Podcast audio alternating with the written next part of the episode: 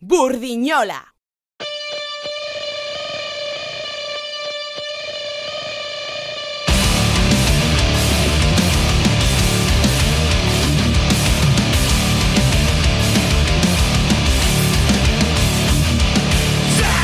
Transmission transforms into the atmosphere, signal distortion.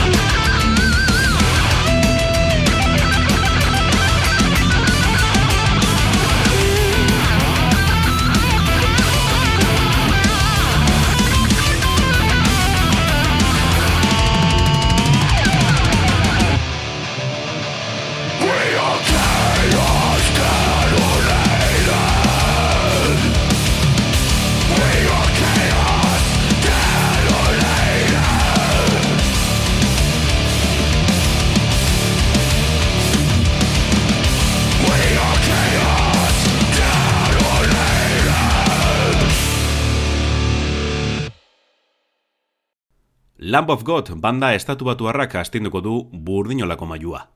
Omens disko berriena iazko urrikoa bada ere, Creator Alemaniarekin batera konposaturiko single berri eta berezi bat aurkeztu dute. Aitzakia ezin aproposagoa da groove metal mandaren ibilbide interesgarriari erreparatzeko. State of Unrest single konpartituarekin hasi dugu saioa. Burn the Priest taldea da abia puntua. Larogeita hamarrean sortu zuten Richmond irian, Mark Morton, Chris Adler eta John Campbell musikari gazteek. Hasiera batean, banda instrumental gisa aritu ziren Randy Blythe abeslariarekin topo egin zuten arte. Abe Spear, bigarren gitaristarekin osatu zuten boskotea. Estrenako diskoa, larogeita emeretzian argitaratu zuten Burn the Priest izenburupean. Hau duzue Bloodletting.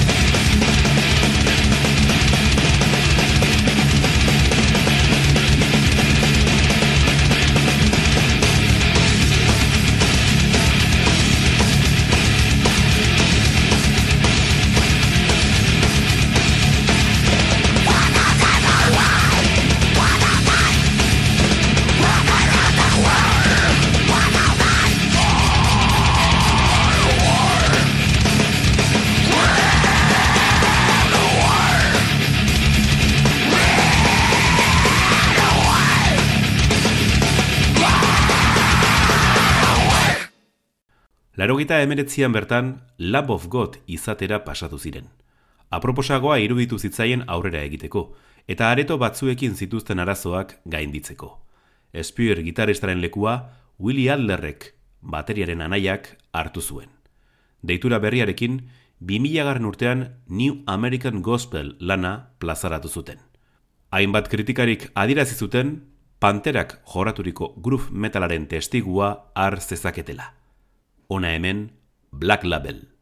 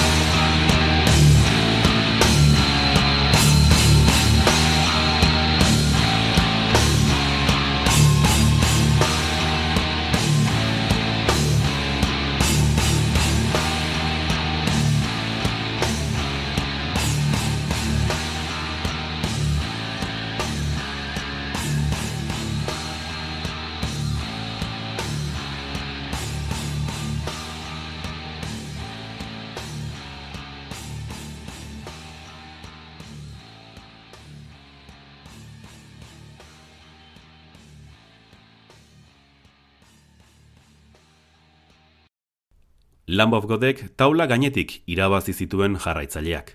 Zuzeneko basatiak eskaintzearekin batera, metal moderno eta oldarkorrari forma emateari ekin zioten. 2000 eta iruko As the Palaces Burn diskoa urrats garrantzitsu bat izan zen eurentzat. Joera komertzelak baztertuta, groove metal giartsuaren alde egin zuten. Horri esker, urteko lanik esanguratsuena izan zen Revolver eta Metal Hammer aldizkarientzat. Gainera, Headbangers Ball biran parte hartu zuten, taldearen oihartzuna areagotuz. Hau duzue, Ruin.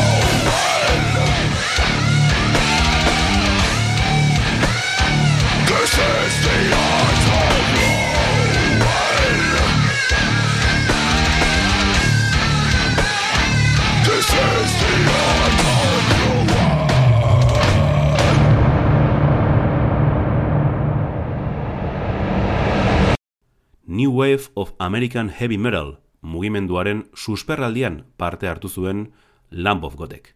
Ekarpen propioa egin zioten metal moderno estatu batu. Epic Records zigiluarekin sinetuta, 2000 eta lauan munduratzeko izaera indartu zuten Ashes of the Wake lan berriarekin. Arrera ona izan bazuen ere, ahots kritiko batzuek nortasun falta egotzi zioten bandari, eta musikalki errepikakorrak izatea. Horrela ere, euren ospea areagotzea lortu zuten. Noski, zuzeneko emanaldien bidez. Hona hemen, Late to Rest.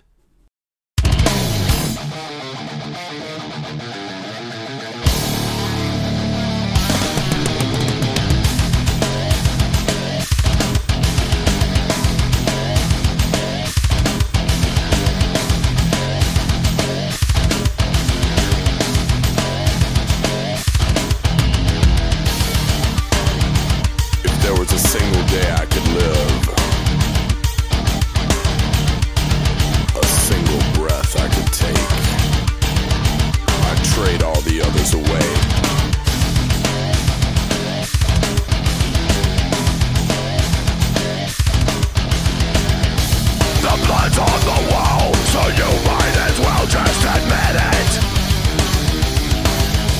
And bleach out the stains, commit to forgetting it.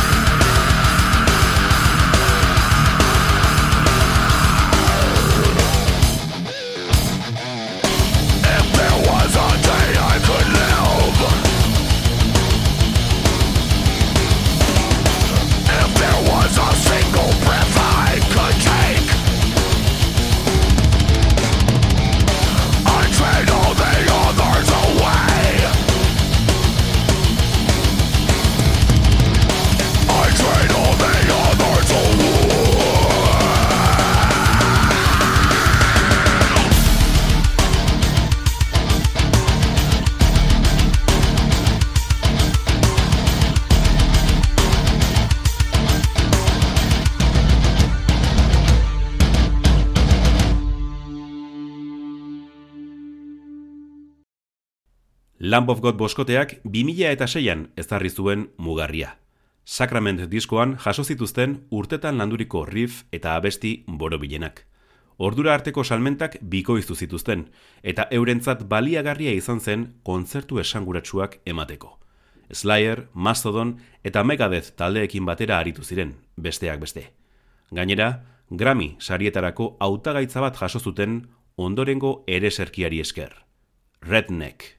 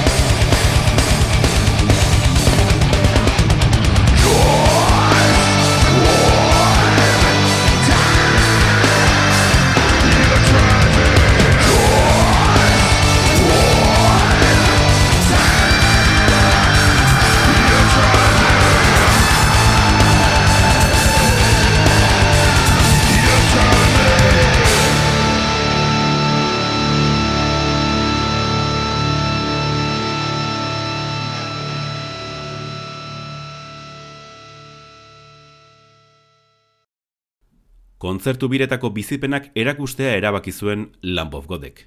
Philadelphia zuzeneko lehen diskoan hainbat pasarte kontatu ondoren, 2000 eta zortziko Walk With Me in Hell DVD-an abentura gehiago jaso zituzten.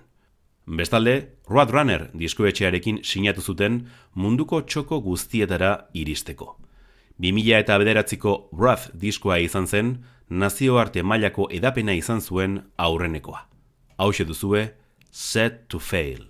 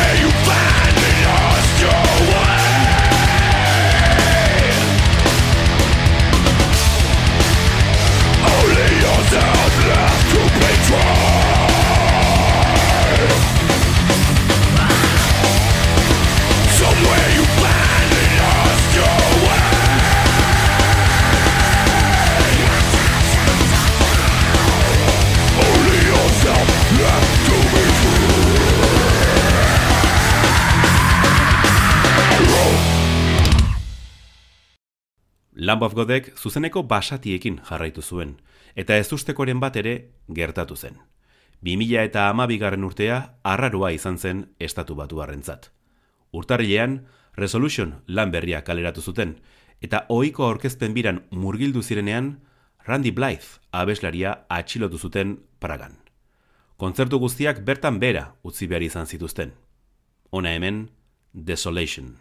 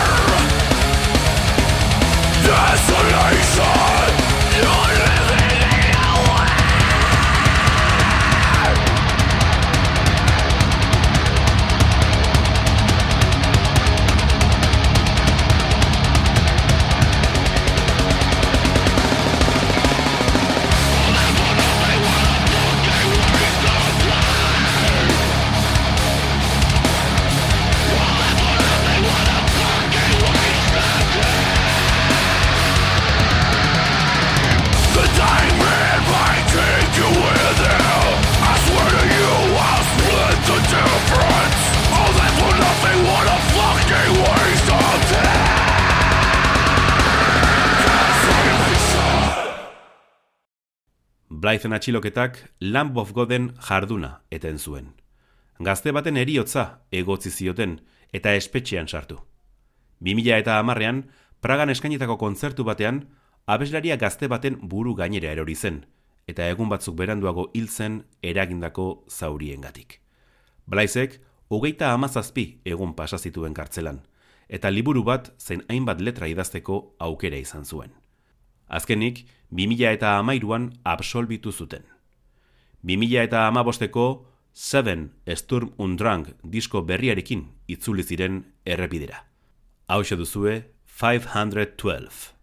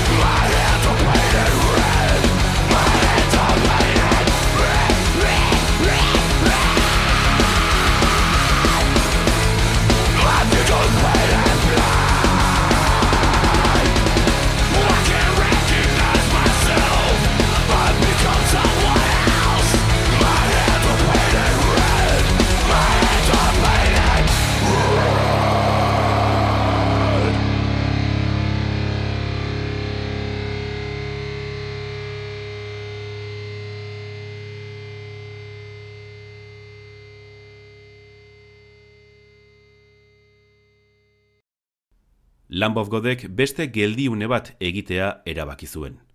Zuzeneko emanaldia gutxitu eta Burn the Priest iraganeko izena berreskuratu zuten bertsioz osaturiko disko bat argitaratzeko. Chris Adler bateriaren azken grabazioa izan zen.